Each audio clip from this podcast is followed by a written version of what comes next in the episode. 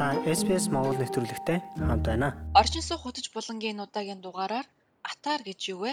Яагаад чухал вэ гэдэг асуултанд хариулахыг хичээе.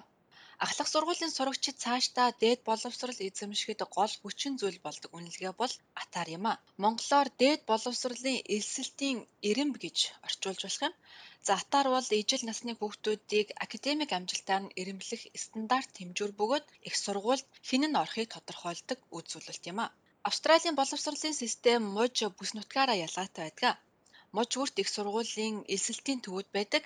Тэд тухайн хүүхдийн хамгийн сайн оноотой 10 хичээлийг сонгож хичээл тус бүрийн үнэлгээг нэг ижил хэмжүүрээр үнэлэн атаарыг тооцдог юм байна. Бид энэ тухай илүү тайлбарлуулахаар ихтэй сургуулиудын элсэлтийн төвийн менежер Кен Пиано гэдэг хүнтэй ярилцсан юм а. The key feature of the ATAR is that it's a rank. It's not a score or a mark. Rank. хамгийн гол онцлог бол энэ бол эрэмб. Энэ бол оноо эсвэл ямар нэгэн дүн биш. Энэ бол only Чи ангийнхан нас чацуу хүүхдүүдтэйгээ харьцуулахад ямар хуу үр бүтээмжтэй сурсныг чинь хэмжиж байгаа юм а. mark. It's a Энэ a зөвхөн ихтэй сургуульд ороход л against others in your age group. And it's meant to be used only for university entry. Атаар авахын тулд Виктория мужийн сурагчид гэхэд мужийнхаа боловсролын гэрчилгээ буюу Victoria Certificate Education авсан байх ёстой. Харин Тасмания мужийн сурагчид бол дээд боловсролын босго оноог үндэслэдэг. Харин New South Wales мужийнхан элсэлтийн төв нь Higher School Certificate-ийг авсан сурагчдад атаарыг олгодог юм байна. Муж бүр өөр өөрийн гэсэн ахлах сургуулийн системтэй атаарыг бие даан тооцдогч муж хооронд шилжүүлэн тооцох аргачлал бий гэж манай зочин тайлбарлаж байна. If I get a 70 ATAR in New South Wales, I want to go to university in, say, Melbourne. Хэрвээ би New South Wales-д and 70 they оноотойгоор accept авсан гэж бодъё. 70 Гэхдээ Мельбурний их сургууль сурах хүсэлтэй байгаа. Тэгвэл би in Мельбурний сургуульд гаргаж болно. Би Викториад биш New South Wales-д тооцсон оноогоо Викторийн each муж state руу хүлээн зөвшөөрүүлэх өргөлд гаргана гэсэн үг юм а. Get my 70 Муж бүр бие даасан though тооцоол it's been харахтай calculated бас үүрэгтэй байдаг ч Victoria. муж хооронд шилжүүлэх боломжтой байдаг.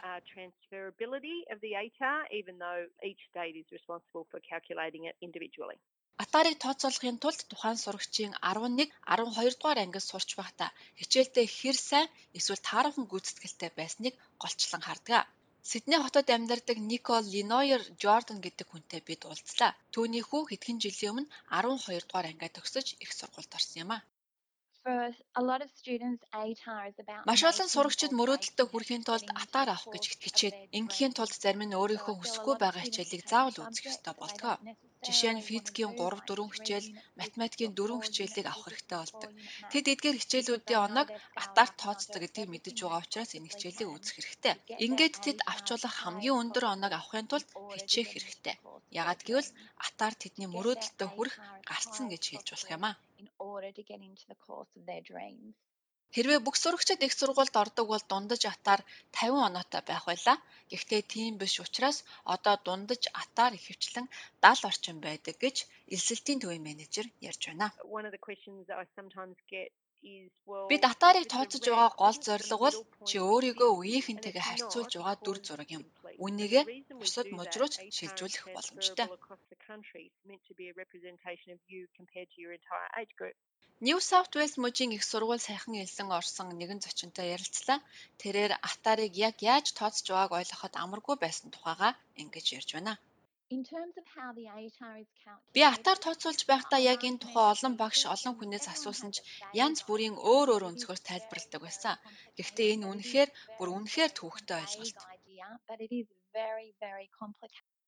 Атаар авахын тулд сурагчид онлайнаар бүртгүүлэх хэрэгтэй гэж манай зочин тайлбарлаж байна. Uh, for Year 12s, the application is pretty straightforward.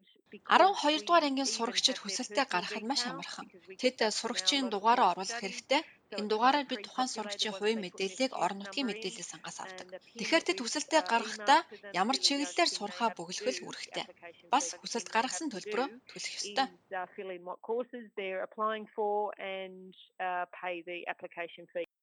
Төгсөлтийн шалгалт өгч ахлах сургуулаа төгсгөн сурагчийн хувьд амаргүй даваа байдаг. Учир нь тэдний авсан оноо атаарт хэр эрэмблэгдэхээс их зүйл хамаарч байгаа учраас чармаах ёстой цаг үеийн юмаа гэж Никол Ленор ярьж байна. Тэрээр зарим ихтэй сургуулиуд олон сонголтыг сурагчдад өгдөг. сургууль хоорондоо шилжих, сонгосон мэрэгчлээ өөрчлөх боломж, эсвэл хичээлээ эрт эхлүүлэх боломж ч бий гэдгийг тэрээр онцолж байна. There were always back doors. So if you didn't get the mark to get into medicine, Хүүхдүүд дандаа л эргэж буцаж байдаг шүү дээ. Тэгэхээр хэрвээ чи grade, чиглэлээр сурахыг хүссэн ч хангалттай оноо авч чадаагүй гэж бодъё. Гэхдээ чи анагаахтаа л ормоор бүр шантаршгүй их grade, байгаа гэж бодъё. Ингээхийн тулд шинжлэх ухааны чиглэлээр дахин сураад gotta орж болно. Үүнтэй адил урлагийн сургуульд орсон боловч хуулийн чиглэлээр явах хүсэлтэй байгаа бол бас л энэ чиглэлээрээ илүү суралц үнэхээр хүсч байвал битгий бууж researched, ямар боломж байгааг судлах хэрэгтэй. Та атаарыг яаж тооцдог, яаж хүсэлтээ гаргах, чиний оноо дүнг яаж шилжүүлэх гэх мэтийг илүү сайн мэдхийг хүсэж байгаа бол Мужийн ихтэй сургуулийн эсэлтийн төвд хандан ярилцаж үзээрэй. Муж бүс нутгуудын эсэлтийн төвүүдийн веб сайтуудыг нэвтрүүлгийн тайлбар хэсэгт орууллаа. Энэ удаагийн оршин хөтөч нэвтрүүлгийн дугаар инхүү өндөрлөж байна.